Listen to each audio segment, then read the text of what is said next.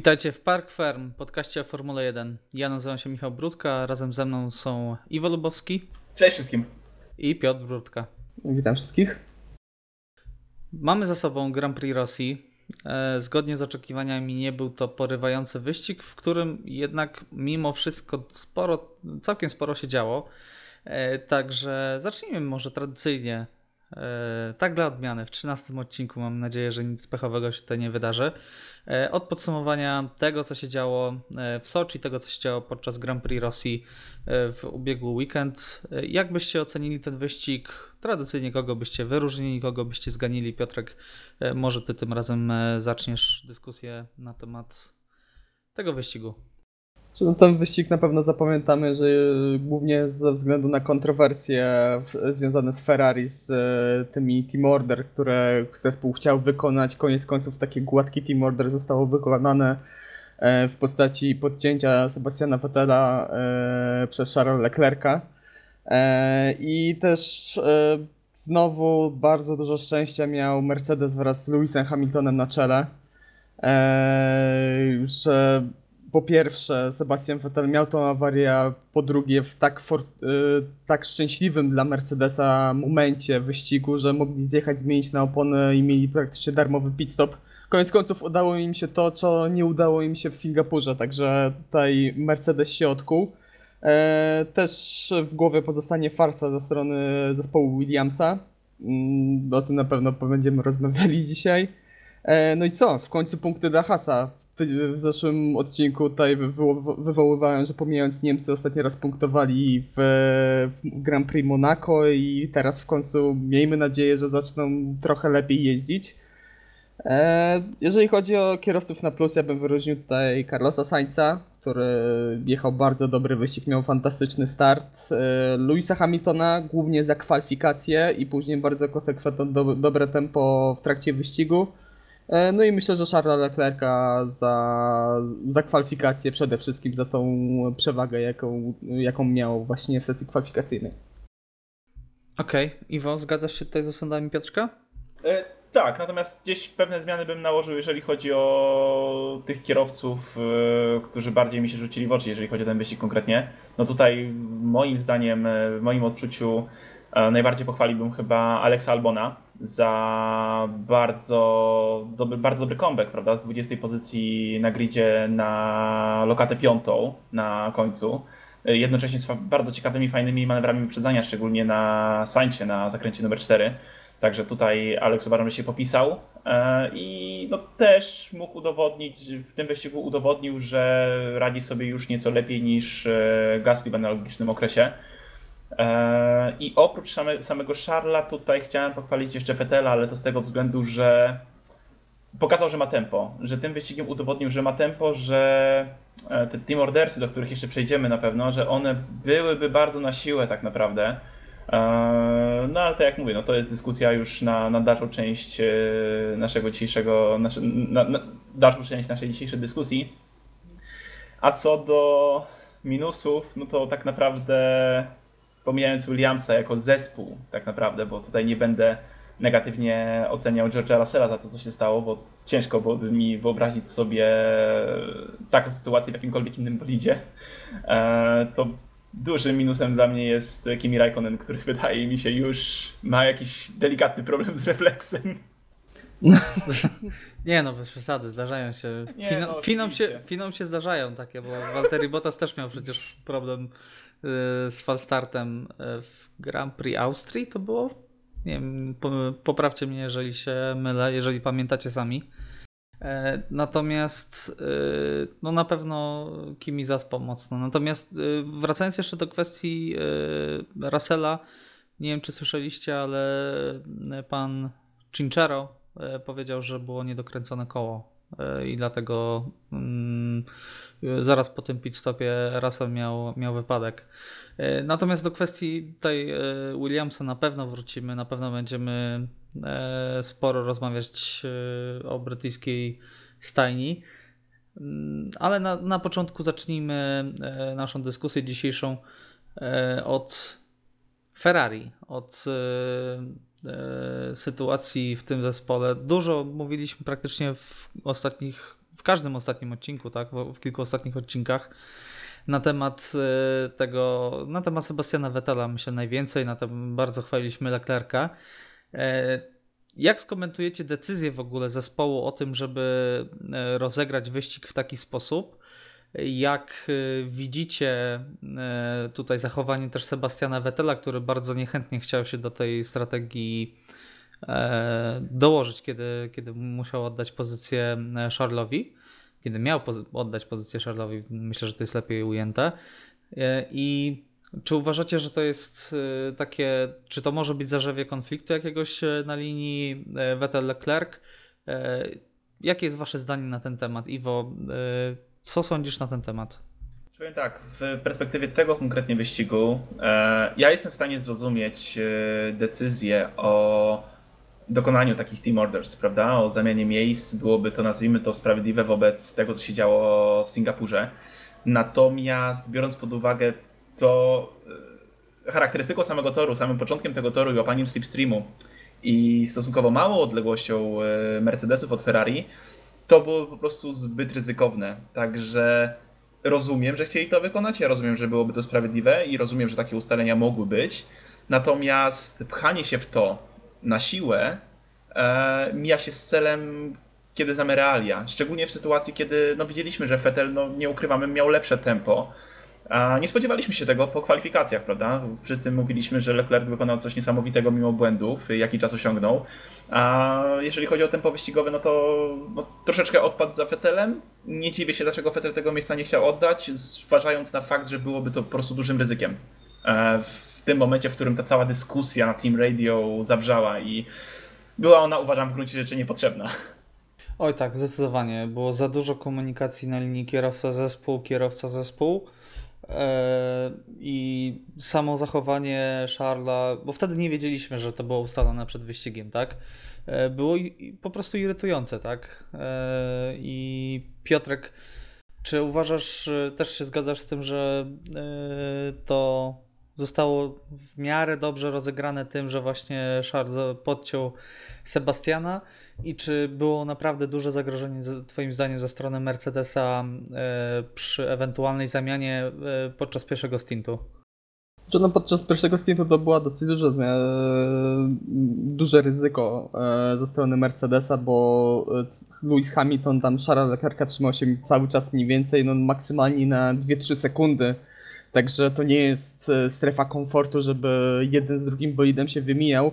E, jeszcze powiedziawszy, tak wracając do sedna tematu, e, ja kompletnie nie rozumiem ustaleń przed wyścigiem, bo to, że później chcieli wymusić na Sebastiano Fotelu, żeby oddał pozycję, to dobra, takie mieli postanowienia wcześniej, ale żeby w ogóle podejmować takie zalecenia przed wyścigiem, dla mnie jest to zupełnie niezrozumiałe i to jest to są decyzje, które no po prostu nie, nie polepszają atmosfery pomiędzy kierowcami, bo właśnie dzieje się to, co się dzieje. Sebastian Vettel nie wykonuje nie po raz pierwszy e, poleceń zespołowych, które nie są dla niego korzystne. Przypomnijmy rok 2013 i słynne Multi 21. E, Oj, tak. Ale jeszcze powiedziawszy, no Ferrari znowu kombinuje tam, gdzie nie powinno kombinować i na siłę stara się uszczęśliwić jednego i drugiego kierowcę. E, gdyby postawili przed wyścigiem sprawę jasno, że okej, okay, e, Charles, e, jest, sytuacja jest jaka jest, tory jest jaki jest, będzie się za tobą Sebastian Vettel podpinał, możecie wyprzedzić na starcie, nie walczcie za ostro, nie rozbijcie się, okej, okay, dobra, wszystko byłoby dobrze, ale jeżeli są zalecenia, że okej, okay, on się za tobą podepnie, ty go nie, w ogóle nie blokuj, oddaj praktycznie pozycję, później się jakoś zamienicie, no to jest strasznie po pierwsze ryzykowne, po drugie strasznie takimi grubymi nićmi szyte, szyte i jeszcze powiedziawszy, no nie wiem, dla mnie niezrozumiałe. Mhm. E, z jednej strony rozumiem, ja, ja, trochę rozumiem Ferrari, znaczy oni przed wyścigiem y, patrzą na dobro zespołu, tak? I y, pomyśleli o długiej prostej i pomyśleli, że najlepszym sposobem na zachowanie dubletu, tak? Jest wyprzedzenie na właśnie na tej pierwszej prostej, zaraz po starcie. A najlepszym sposobem, żeby to zrobić, jest złapanie slipstreamu, tak, e, przez Vettela. E, to daje największą szansę tutaj Sebastianowi.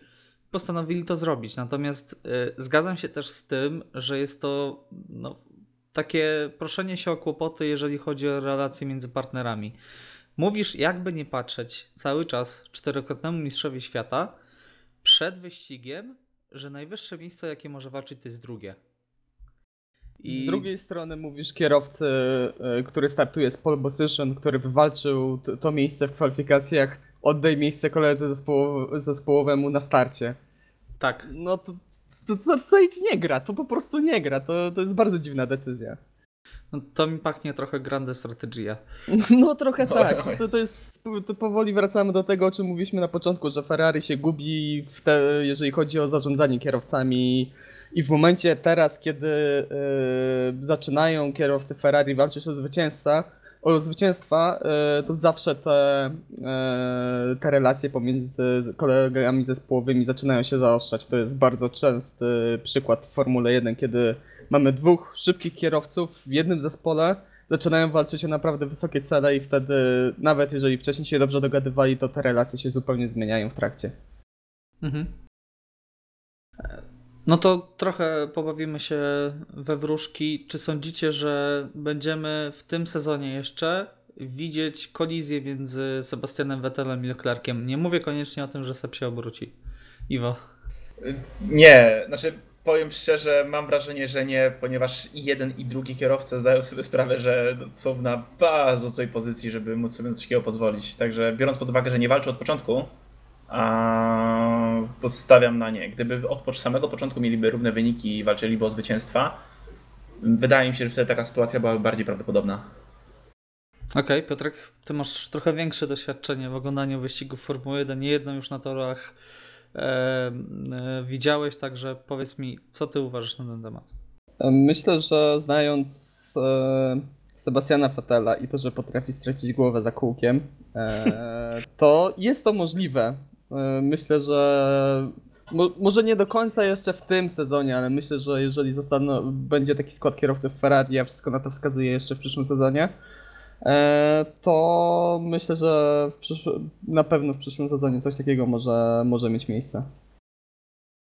Okej. Okay. Ja osobiście stawiam, że będzie w tym sezonie jeszcze kolizja między nimi. E, bo z wyścigu na wyścig, tak jak mówicie, Ferrari próbuje na siłę uszczęśliwić jednego i drugiego i wychodzi im to bardzo kiepsko. Widziałem e, mem po e, wyścigu, gdzie jest zdjęcie Matti Binotto. Po jego prawej stronie jest Sebastian Vettel, po jego lewej stronie jest Charles Leclerc. Wszyscy są bardzo przygnębieni. I jest podpis, pytanie dziennikarza E, Mattia Binotto, proszę e, powiedzieć, kto jest pierwszym kierowcą Ferrari? Ten po mojej lewej. Ale po naszej lewej czy e, pa pańskiej lewej? Tak. Także tak to trochę wygląda, tak? Nie mamy jednoznacznej deklaracji, tej jednoznacznej deklaracji nie będziemy mieć. A dopóki Ferrari będzie bardzo mocne, E, to będą walczyć o zwycięstwa i Charles nie odpuści. Charles ma taki charakter, co już wielokrotnie pokazywał, że nie jest w stanie po prostu tak odpuścić tak i wyluzować, że tak powiem, na drugiej pozycji. E, jeszcze to udało się zrobić w Singapurze, ale myślę, że może w pewnym momencie mogą mu puścić nerwy w pewnym momencie. I odwrotnie, Seb też może odwalić, e, mówiąc kolokwialnie, jakiś numer, E, nie oddać pozycji, mogą, mogą po prostu, może dojść do jakiegoś konfliktu już takiego otwartego. Mam nadzieję, że się tak nie stanie. E, zobaczymy też, e, jak Mercedes zareaguje, bo już czytałem dzisiaj, że szykowany jest pakiet poprawek na Japonię. Także równie dobrze może się skończyć na tym, że kierowcy Ferrari z powrotem będą walczyć o trzecią pozycję. Dobrze. E, chcielibyście coś dodać jeszcze do tej, e, do tej dyskusji, czy, czy, czy możemy przechodzić dalej? Ja myślę, że możemy dalej, bo tak, tak. na w tle tego wyścigu gdzieś tam wyczerpaliśmy już temat, zobaczymy co, co za dwa tygodnie. Okej, okay. E, to skoro porozmawialiśmy o zespole Formuły, Formuły 1, to porozmawiajmy o parodii zespołu Formuły 1, o Williamsie. To, co zobaczyliśmy w niedzielę, no ja szczerze powiedziawszy nie pamiętam takiej sytuacji, żeby zespół Formuły 1 otwarcie powiedział, że wycofuje kierowcę z rywalizacji, który ma sprawny bolid, po to, żeby oszczędzać części. Piotrek, chyba nawet w czasach HRT czegoś takiego nie było. Nie, bo jeszcze szczerze powiedziawszy, jak były takie przypadki, że zespoły wycofywały samochód ze względu na oszczędzanie jednostki napędowej, żeby nie mieć kary, e, tak jeżeli chodzi o oszczędzanie innych podzespołów, e, których wymienianie nie jest e, obarczone karą, no to jest niedorzeczne. To pokazuje, że zespół Williamsa spadł na kompletne dno i się tam już bardzo dobrze zadomowił, że nawet się nie przejmują tym, że, że, że mówią takie rzeczy otwarcie. I to, to jest naprawdę coś, coś, coś, coś nie do pomyślenia. Z drugiej strony y, pamiętamy Monce, kiedy Robert Kubica w trakcie wyścigu y, raportował, że pedał hamulca mu wpadł w podłogę. I tak. zespół wtedy w ogóle nie był zainteresowany wycofaniem samochodu, także no to jest, to jest niedorzeczne. Szkoda mi, szkoda mi kierowców w tym wszystkim, ponieważ Williams ma naprawdę bardzo dobrych dwóch kierowców aktualnie w swojej stajni i totalnie, totalnie to zaprzepaszcza swoimi bardzo dziwnymi decyzjami. E, I niedorzeczne, niedorzecznymi, już nawet abstrahując, że tam mamy Roberta Kubicę, jakikolwiek by tam kierowca nie był, to jest po prostu wbrew jakimkolwiek duchowi sportu. To, co, robi, to, co zrobił Williams w ten, w ten weekend. Miwa, zgadzasz się z tym osądem? Tak, bo powiem wam szczerze, że to jest pierwszy raz, jak widziałem coś takiego, bo w zeszłym Nie tylko sezonie, w zeszłym sezonie Williams yy, walczył o coś jednak. No tutaj ten bolid yy, ma być dowieziony do mety, natomiast no, ta sytuacja no, jest poniżej uważam jakiejkolwiek krytyki, bo yy, kurczę, naprawdę mam problem, żeby w ogóle jakkolwiek, e, jakkolwiek to ocenić, jakkolwiek to nazwać, bo ja nie widzę żadnego wytłumaczenia, dla którego bezpodstawnie, czy podstawnie, no oficjalnie była podstawa, żeby wycofać bolid e, Roberta, natomiast no, no to brzmi jak poważnie wielka ściema. Ja wam pamiętacie, jak wam mówiłem kiedyś, że nie jestem fanem teorii spiskowych, że przesadzacie. Eee, tak, mówiłem to. Wtedy mówiliście, że ja nie jestem realistą, na to, a starałem się być. Natomiast no, po tym wyścigu zmieniam zdanie już e, inaczej. Mam to przypieczętowane, że tutaj po prostu za kulisami dzieje się coś bardzo niedobrego i szkoda, że już tam nie tyle, że traci na tym Robert Kubica, bo to jest przykre dla nas, dla innych kibiców niekoniecznie, ale to się po prostu dzieje w sporcie, w którym to się nie powinno najzwyczajniej w świecie dziać. Nie w ten sposób, nie tak jawnie. Tak. W królowie sportów motorowych. Tak, dokładnie, dokładnie. królowa tak motorsportu, która ma pokazywać, jak y, daleko może zajść y, ludzka myśl techniczna, że tak górnolotnie powiem. Y, I wycofują bolid. I nawet się tak. z tym nie kryją. Serio, mogliby powiedzieć, że wkręcić, że George Russell miał awarię hamulców i nie, chci nie chcieliśmy ryzykować, ściągnęliśmy Roberta i dzisiaj byśmy na ten temat nie rozmawiali w ogóle. A y, bo byśmy, no okej, okay, dobra, ileż można mówić o, o, tym, jak Williams jest fatalny, tak? No, nie powtarzajmy się też y, co tydzień. Natomiast no jest, to jest po prostu bezczelne i kpiące z fanów, ze sponsorów też przede wszystkim, bo nie zapominajcie, sponsorzy płacą za to, żeby bolid, e, żeby była ekspozycja e, swoich towarów, swoich, swojego logo, tak, w transmisji telewizyjnej. I ściąganie bolidu 20 okrążeń przed końcem, no to jest po prostu jakiś absurd. Ja, bez zwłaszcza, że powodu, dokładnie, bez tak, powodu. Zwłaszcza, że w drugiej części yy, wyścigów zazwyczaj Williams jest dublowany jest najczęściej pokazywany, tak? E, już, już nie do końca na serio mówiąc. Natomiast no, same słowa Roberta mówią bardzo dużo. E, po czterech okrążeniach zgłosił, że jest coś nie tak. W piątek po czterech okrążeniach zgłosił. Tak, w pierwszym treningu e, zgłosił po czterech okrążeniach, że coś jest nie tak z bolidem i do niedzieli nie zostało nic zrobione. Ja rozumiem, że Robert ogłosił swoją decyzję i może to w jakiś sposób e, boleć Williamsa, tak? Że nie urządzą sobie po raz kolejny licytacji w grudniu. Natomiast no, to jest po prostu bezczelne, to jest yy, myślę taki policzek dla każdego fana Formuły 1, to co się wydarzyło w tym komunikacie prasowym. No i brakuje po prostu słów. E, już nawet najbardziej zagorzali tutaj e, e, fani Williamsa, tak, myślę, że się po, po, po tym wyścigu mogą odwrócić od tego zespołu, bo no, no, ja to nawet myślałem o tym, jak można ukarać Williamsa bo, bo takie zachowanie jest naganne, po prostu. No, no, nie można tak robić, to jest, to jest po prostu fatalne, tak? I nawet jeżeli e, byli, były osoby, które wierzyły, że Williams jest w stanie, ja nie mówię, że chce, że jest w stanie wyprodukować tak, tak, tak samo dobre dwa bolidy, no to chyba e, ten wyścig ostatecznie pokazał, że, że tak po prostu nie jest.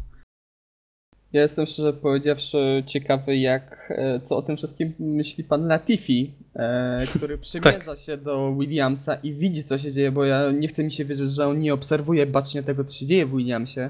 No jest testowym, e, także wie doskonale, co się dzieje. Testowym i także ja jestem ciekawy, czy mimo wszystko on nadal jest tak bardzo chętny, żeby do tego Williamsa dołączyć. Czy nie zacznie myśleć dwa razy, czy mu nie lepiej spasować albo poszukać mimo wszystko miejsca gdziekolwiek indziej, czy nawet w innej serii wyścigowej.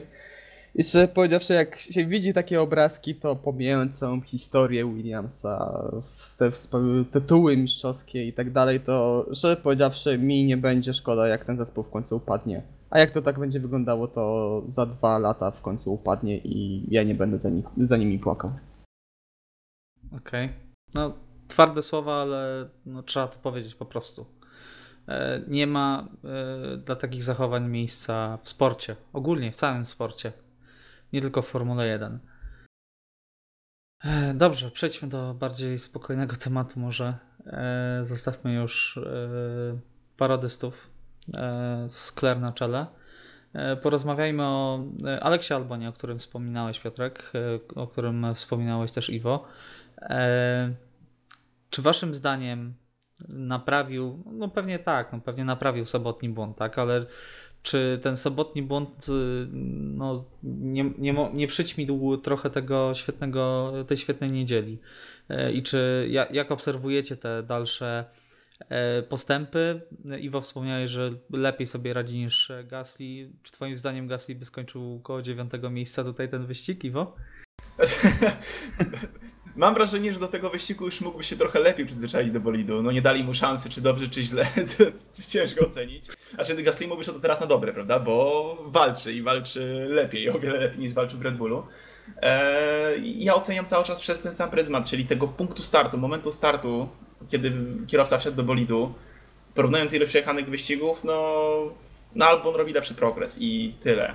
Ostatnio rozmawialiśmy o tym, prawda, że Gasly miał jeszcze całe testy zimowe e, w Red Bullu. Albon tego nie miał. No nie całe, no rozwalał bolid no, co dwa dni, także. Okay.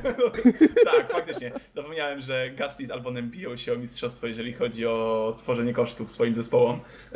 Szczególnie Red, Red Bullowi, chociaż Toro Rosso też Albon troszeczkę narobił kłopotów. Ale właśnie, to jest bardzo fajna, bardzo fajna analogia, prawda, do Chin w, w przypadku Albona i rozbicia tak. bolidu Toro Rosso, jak i tutaj rozbicie bolidu Red Bulla z bardzo dobrym comebackiem. Także nie chcemy, żeby więcej się rozbijało w kwalifikacjach i mam nadzieję, że nie są to jedyne, można powiedzieć, momenty, w których y, takie comebacki będziemy oglądać.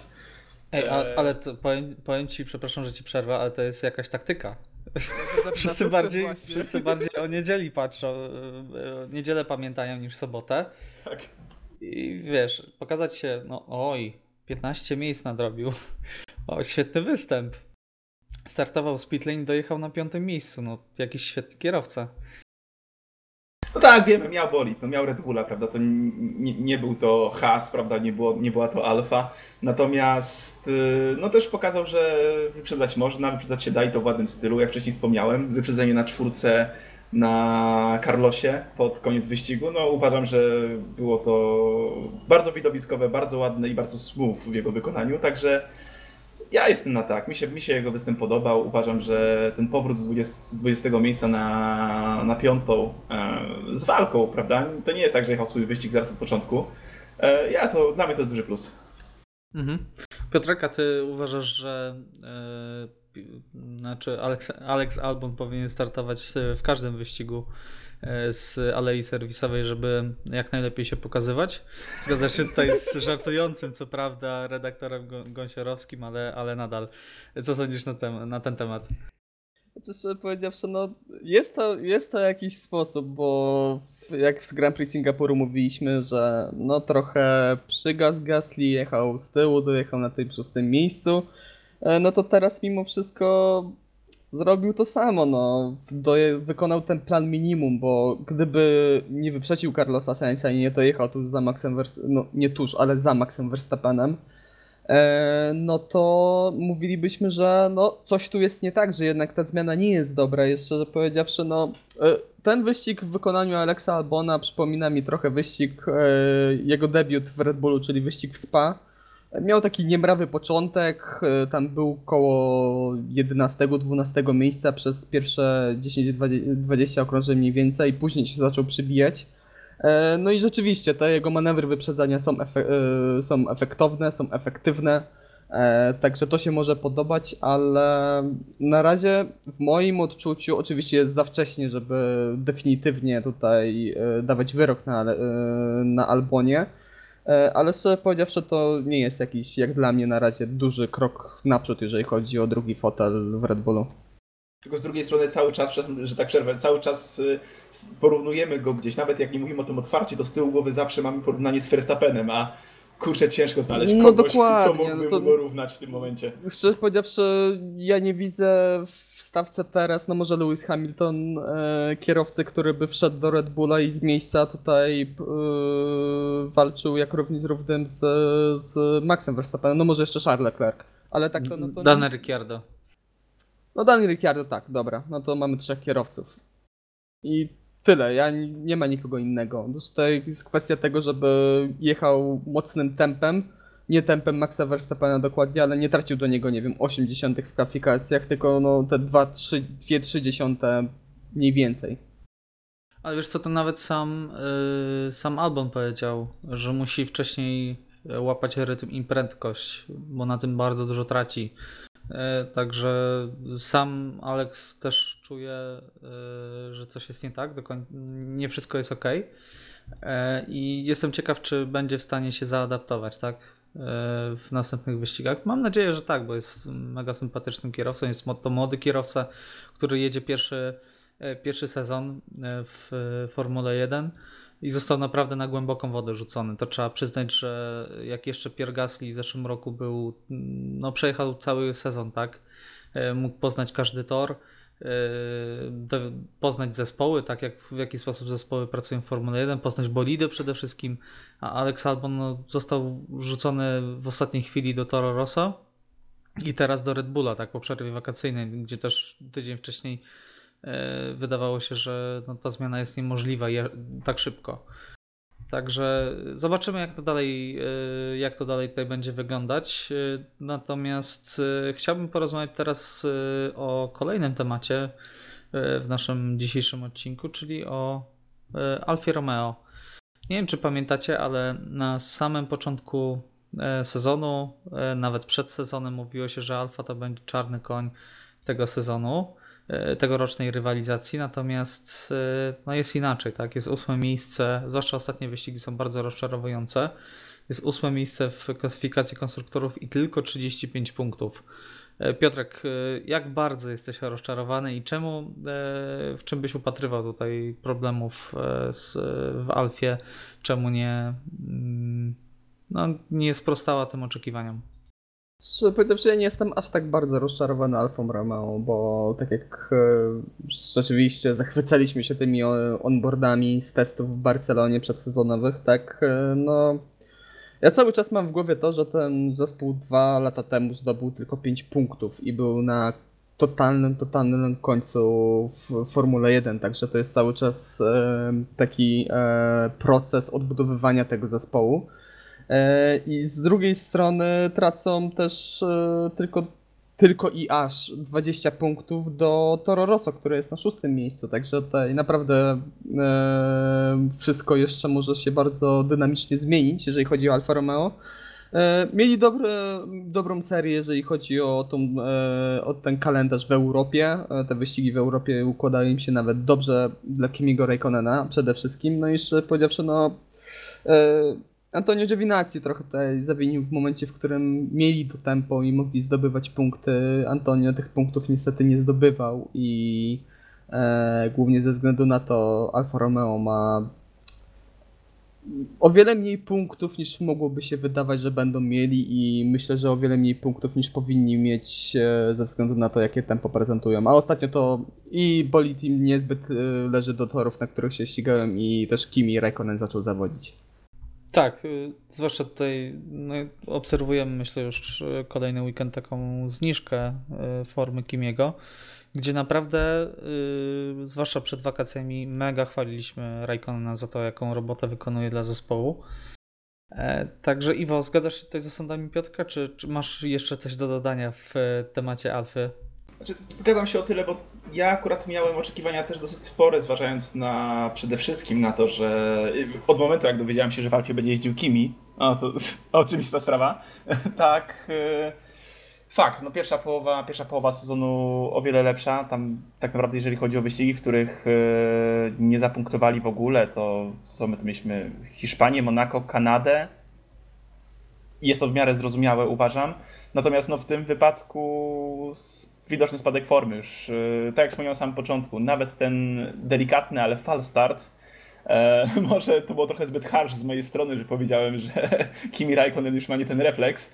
E, natomiast e, tak, no jest to gdzieś tam mały spadek, który, znaczy mały, spory spadek, który widać od połowy sezonu. I ciężko mi to czymś dokładnie wyjaśnić, ale ten jeden powód, który wspomnieliście chyba był jest najbardziej istotny, to jest to, że głównie jeden kierowca tak naprawdę dla tego zespołu zdobywa punkty. To jest chyba jednak e, główny powód faktycznie. Mhm. Okej. Okay. W takim razie zobaczymy, jak e, sytuacja Alfy e, będzie wyglądać w kolejnych wyścigach. E, chciałbym jeszcze tylko wspomnieć o Racing Point. Tak, chciałem znowu powiedzieć Force India. Force India. Ugryzłeś się? Tak, ugryzłem się w język. Myślę, że wszyscy to słyszeli. Przejechali naprawdę bardzo dobry wyścig i wygląda na to, że ten bolid no nie jest taki zły, jak się w pewnym momencie sezonu wydawało. E, Perez nawet e, powiedział, że to był jeden e, z najlepszych wyścigów, jakie pamięta w swoim wykonaniu. Siódme miejsce. Lance też mimo kiepskich kwalifikacji, jak zwykle w jego przypadku bywał, otarł się o punkty.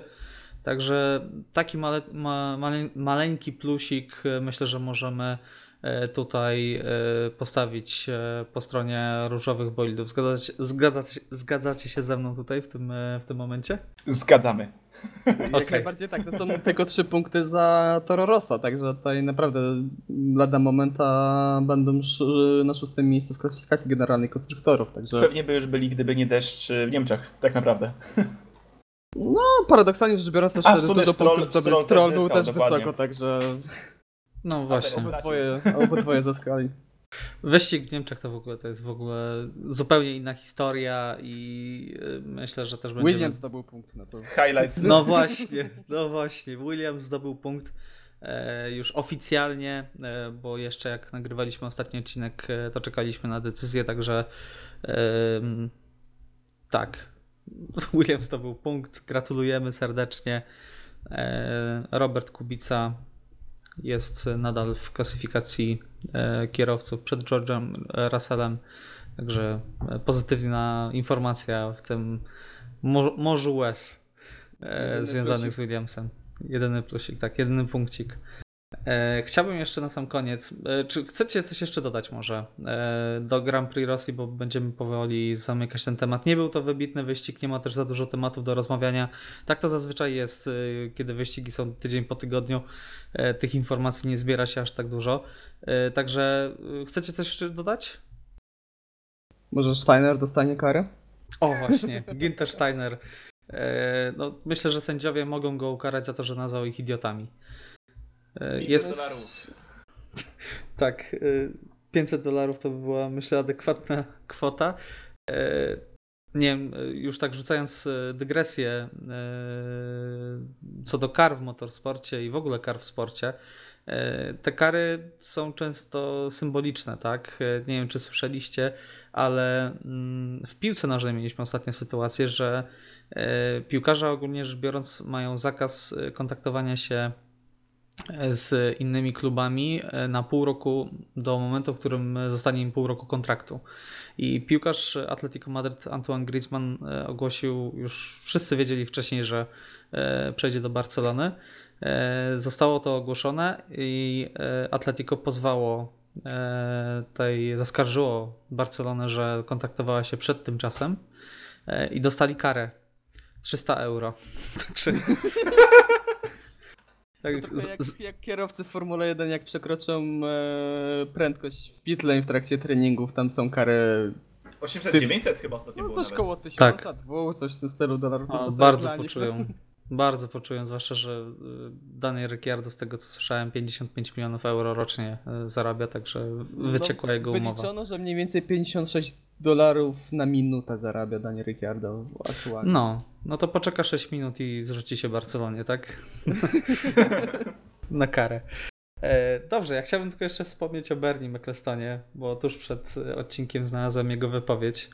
E, w, którym, e, w której mówi, że nie zmienił. Formuła 1 bardzo się nie zmieniła od momentu, kiedy Liberty Media przejęło, przejęło kontrolę nad tym sportem.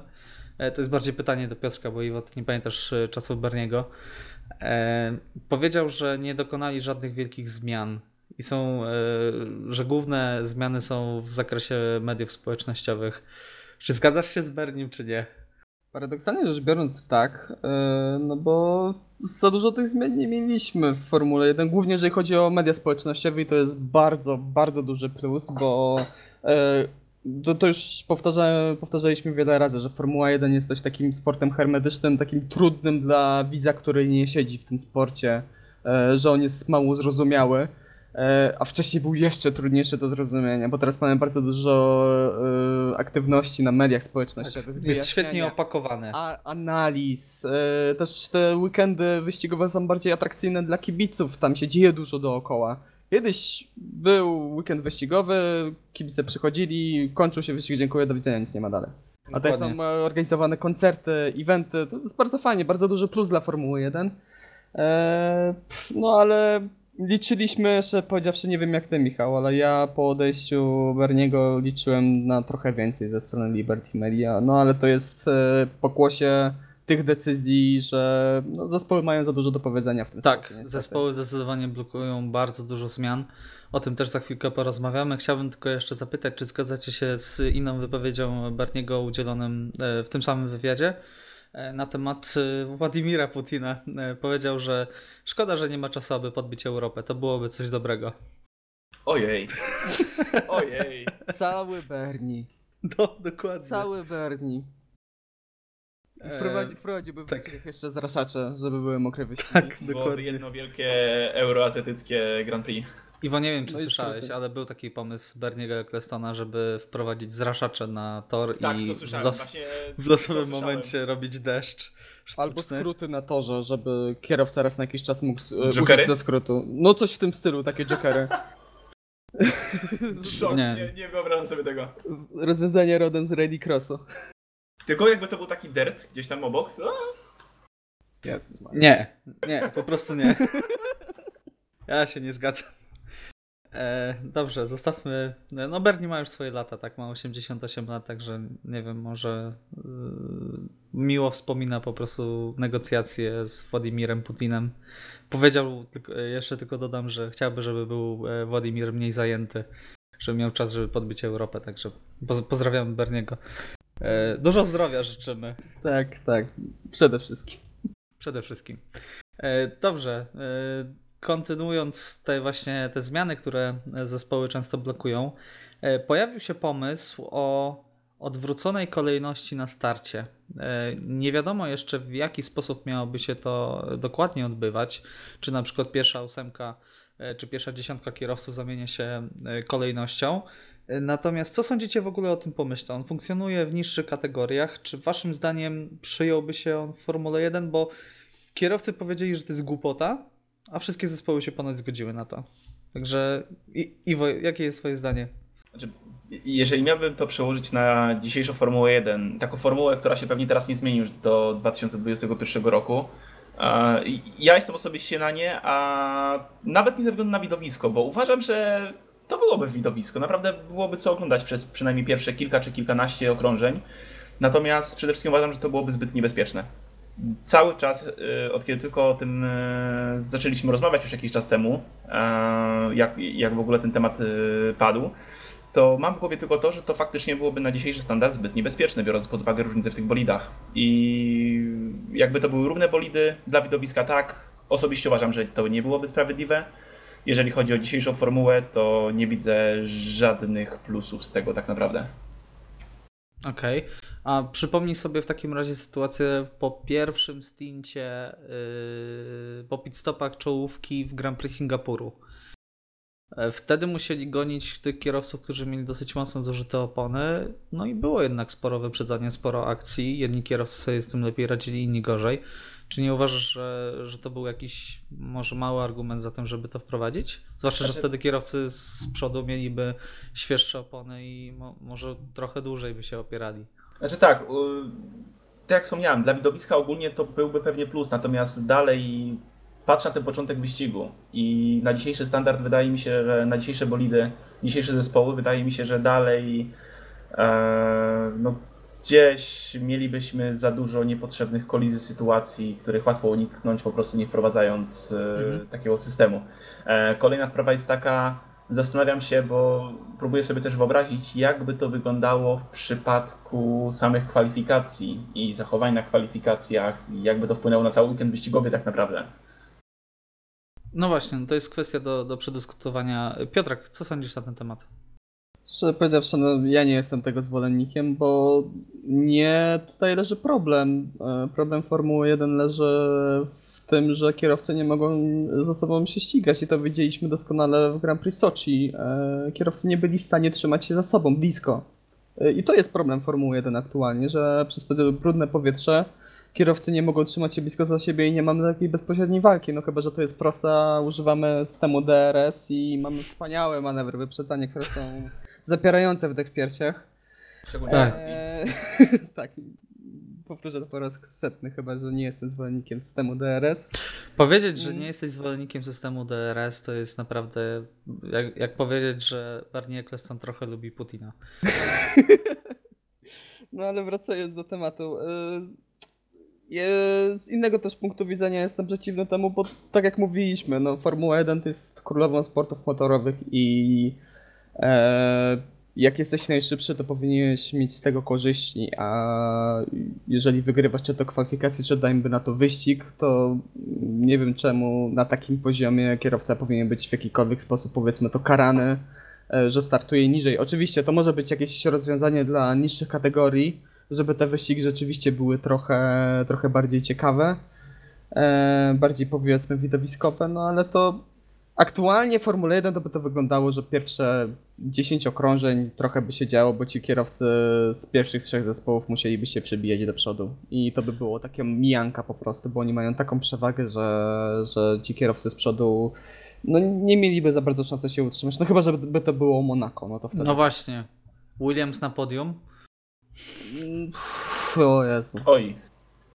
No końcu. wiesz, jechaliby, jechaliby y, jeden i drugi kierowca by jechał po prostu y, tamując całą drogę i by wygrali po prostu. Też powiedziawszy, że by to było e, wprowadzone, to uważam, że pewnie to by wyglądało podobnie do Formuły 2, że tam pierwsza ósemka byłaby w, odwrócone, albo w Formule 1 pewnie, pewnie to poszerzono do pierwszej dziesiątki, dwunastki kierowców bo nie chce mi się widzieć, żeby William startował na pierwszych dwóch polach startowych, bo to by to było dla nich jeszcze bardziej upokarzające.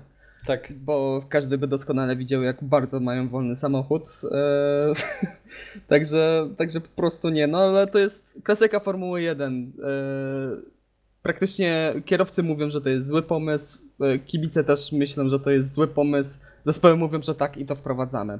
Mhm. Tak mieliśmy z oponami Pirelli, które e, były, które nie pozwalają wyciskać maksimum. Tak samo mieliśmy z, z silnikami e, aktualnymi, także no, Tak, i ten y, apel Sebastiana Vettela. Tak, Przywróćcie. Tak. No, nie będę no cytować właśnie. dalej. Y, V12. tak. Tak, nie, po prostu nie. Seb jest momentami uroczy, naprawdę.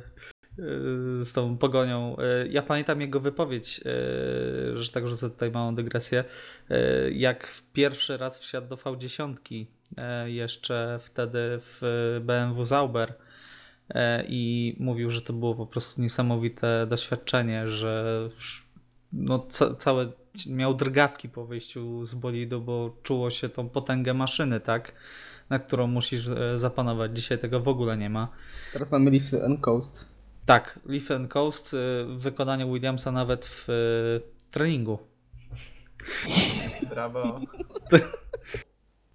Robert to skomentował y, krótkim śmiechem i powiedział, że to jest niewiarygodne i wcale mu się nie dziwię.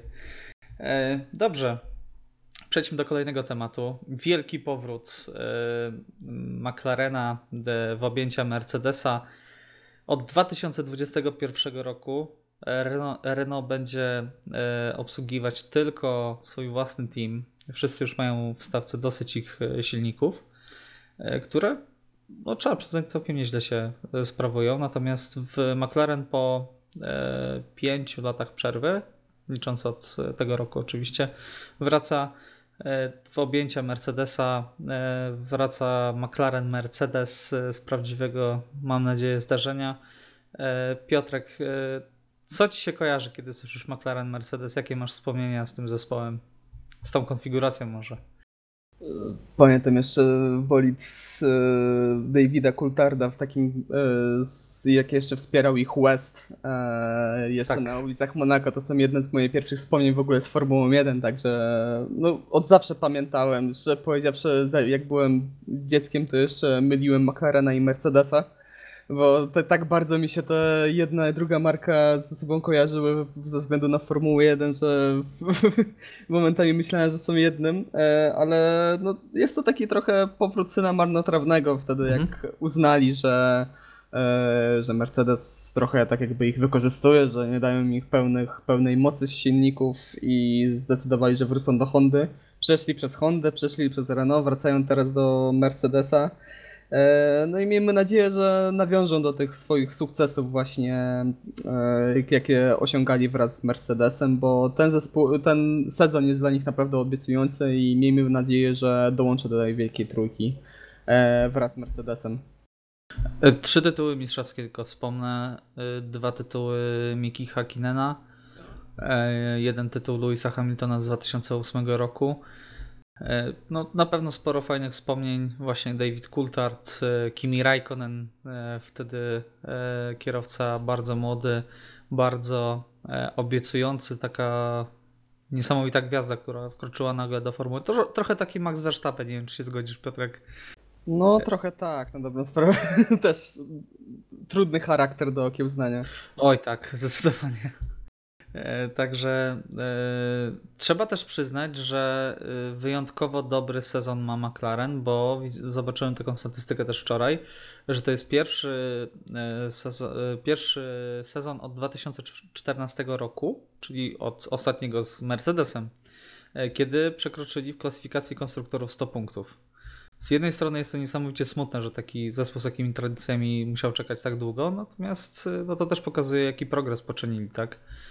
E, I nie wiem, jakie macie nadzieje tutaj. E, Piotrek powiedział, że liczy na dołączenie do Wielkiej Trójki. Zgadzasz się z tym? E, tak, znaczy biorąc, tutaj mogę porównać tylko do tego, co mamy obecnie, bo jeżeli tak miałoby być, to owszem, no chciałbym, żeby im więcej zespołów mogło nawiązać walkę o zwycięstwo, czy walkę w ogóle o podium, tak naprawdę, już nie mówiąc o zwycięstwach.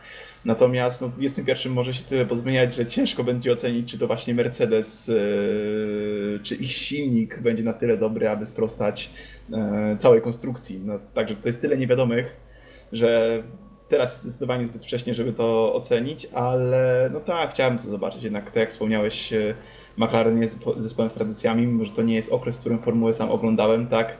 Gdzieś highlightsy, można powiedzieć, zeszłych lat, owszem, recenzje całych sezonów również i no chciałbym zobaczyć znowu McLarena w tej formie. Mhm. A nie boicie się, że e, przez to, co się właśnie wydarzyło, przez to przejście e, do, Merce do Mercedesa w wykonaniu McLarena, e, Renault e, może w jakiś sposób będzie chciało się w ogóle wycofać z Formuły 1 znowu? Piotrek, bo pa, my pamiętamy e, to, jak Renault w ogóle się wycofało z Formuły 1 e, i teraz no, zaciało, widziałem takie komentarze, że oho, no to Renault w 2021 roku e, sobie pożegnamy się z Renault. No jest to prawdopodobne, znając Renault, jak szybko są w stanie podjąć takie decyzje, jak to robili w przeszłości właśnie.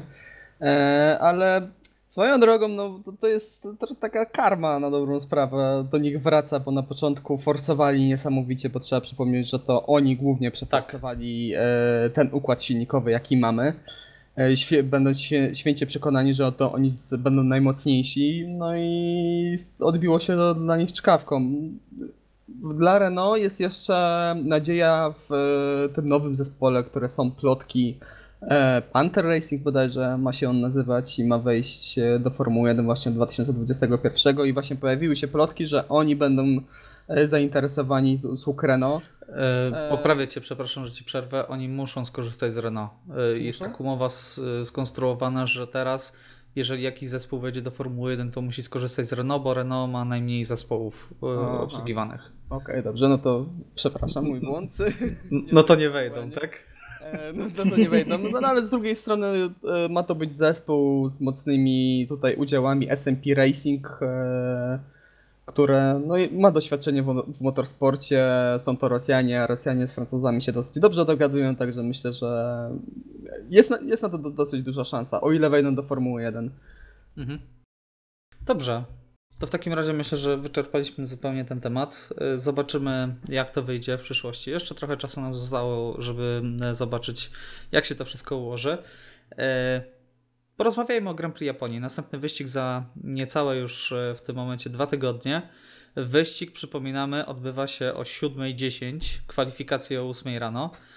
Także trzeba w tym momencie rano wstać, ale myślę, że warto. Myślę, że wyścig w Japonii jest zawsze wyścigiem ciekawym.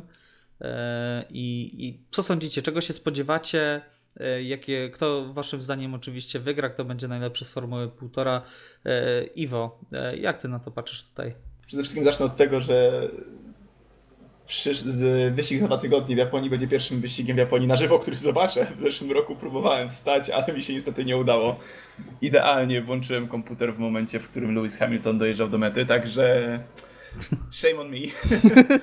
Natomiast... Oj, powiem ci, że, powiem ci, że ja też tak miałem wielokrotnie. Nastawiałem sobie budzik y, na tą siódmą, po czym przebudzałem się, usypiałem, przebudzałem się, usypiałem i zazwyczaj no oglądałem ja... tylko ostatnie okrążenie. Ja wróciłem o 5 do domu, obudziłem, ustawiłem sobie budzik na 6.30. Także... Nie udało się. Teraz mam plan być w domu, także zobaczymy. No przede wszystkim bardzo lubię ten tor, y, biorąc pod uwagę gdzieś tam F1 grę, czy jakiś tam inny sim racing i, i samą strukturę toru. Lubię, lubię ten tor oglądać, lubię na tym torze jeździć z tego względu, że e, przede wszystkim ze względu na pierwszy sektor i naprawdę nie mogę się doczekać. Jest to jeden z tych wyścigów, na który bardzo, bardzo mocno czekam. Jeżeli chodzi natomiast o to, kto sobie tam najlepiej poradzi, to jest strasznie ciężkie pytanie w tym momencie, biorąc pod uwagę jeszcze te poprawki Ferrari e, z ostatnich tygodni z tego względu, że e, sam sektor trzeci połączony z prostą startową zaraz po spółnie e, sprawia, że Ferrari tutaj naprawdę może bardzo, bardzo, bardzo mocno dać radę. E, z drugiej strony to samo można powiedzieć o Red Bullu w sektorze pierwszym i wydaje mi się, że tutaj wyścig może być, może być jednym z najbardziej wyrównanych, jeżeli chodzi o ten sezon jeżeli Red Bull faktycznie gdzieś, gdzieś pokaże troszeczkę więcej, e, wyciągnie troszeczkę więcej e, ze swojego bolidu, no ale tutaj muszą się popisać, prawda, to jest ich tor mhm. i chyba każdy, każdy zespół z silnikiem e, Hondy musi pokazać się z najlepszej strony. No jak ja bym miał stawiać gdzieś ze swoich odczuć, to chciałbym stawić na Maxa Verstappena, jeżeli chodzi o Formułę 1. Aczkolwiek wydaje mi się, że to będzie jeden z bardziej wyrównanych wyścigów. No mam nadzieję, że taki będzie. Okej, okay, a Formuła 1,5? Ha. to, to jest ciężko, to jest ciężko, ale wydaje mi się, że może to być e, najbezpieczniej. Zawsze jest postawić na Sańca. W końcu dojechał, moje punkty się cieszą Tak, po tak, prostu tak. fantazy. Ale jak tak co- sobie porównuję tak naprawdę, no to obecny, ostatnie występy, no to chyba tutaj za wiele nie zmienię i też mi się wydaje, że McLaren z Sainzem w tym przypadku. Okej, e, Piotrek, jakie są twoje przewidywania, na kogo stawiasz? E, Ja stawiam, jeżeli chodzi o Formułę 1 na Sebastiana Vettela. Myślę, że wygra ten wyścig. E, A, Tak, okej. jest to odważnie. E, Podetnie Charlesa, tak? e, Może, nie wiadomo. Ferrari widać, że poprawki ostatnio w Ferrari bardzo dobrze działają i zakręty już nie są dla nich tak straszne, jak to było wcześniej. E, A jeżeli chodzi o Formułę 1,5, to zgodzę się tutaj z Iwo i myślę, że Carlos Sainz będzie, bę- będzie najlepszy. Okej, dobra. To w takim razie y, ja stawiam. Hmm, pomyślmy. Ciężko. A, no dokładnie. Ostatnio na Bottasa stawiałem. e, Bardzo, bardzo źle na tym wyszedłem. Ja też zawiodłem się strasznie na Walterii w ten, w ten weekend. Słysz, słyszysz Walteri? Piotrek się strasznie na tobie zawiódł. A to coś znaczy już, jak Piotrek to mówi. E, dobra, ja postawię na Louisa Hamiltona, będę nudziarzem. Uważam, że Mercedes za- zazwyczaj jak przywozi jakieś poprawki, a szykują cały pakiet e, poprawek, to, e, to, to zazwyczaj działa i, i przynosi bardzo dobre rezultaty w wyścigu, także Lewis Hamilton po raz 83 w karierze, a najlepszy z Formuły 1,5 będzie Lando Norris. Bo zasługuje na to. Po prostu. O, o. Miał dużo pecha w tym sezonie, zwłaszcza mam przed oczami cały czas to Spa i ostatnie okrążenie. E, Także mam nadzieję, że, e, że pokaże się z e, świetnej strony i, i ukończy wyścig jako najlepszy z Formuły 1,5. Dobrze. Myślę, że myślę, że to wszystko z naszej strony. Dziękujemy Wam bardzo za uwagę. Oczywiście możecie nas słuchać na Spotify, na Apple Podcast, na Google Podcast. Także jeżeli dotarliście do tego momentu, to Wam bardzo dziękujemy. Mamy nadzieję, że wyścig w Japonii będzie dużo ciekawszy i będziemy mieli e, o czym rozmawiać. A tymczasem e, za uwagę e, dziękuję Piotr Brudka, Dziękuję bardzo. Iwo Lubowski Dzięki, do usłyszenia za dwa tygodnie. i Michał Brudka. Do usłyszenia, trzymajcie się.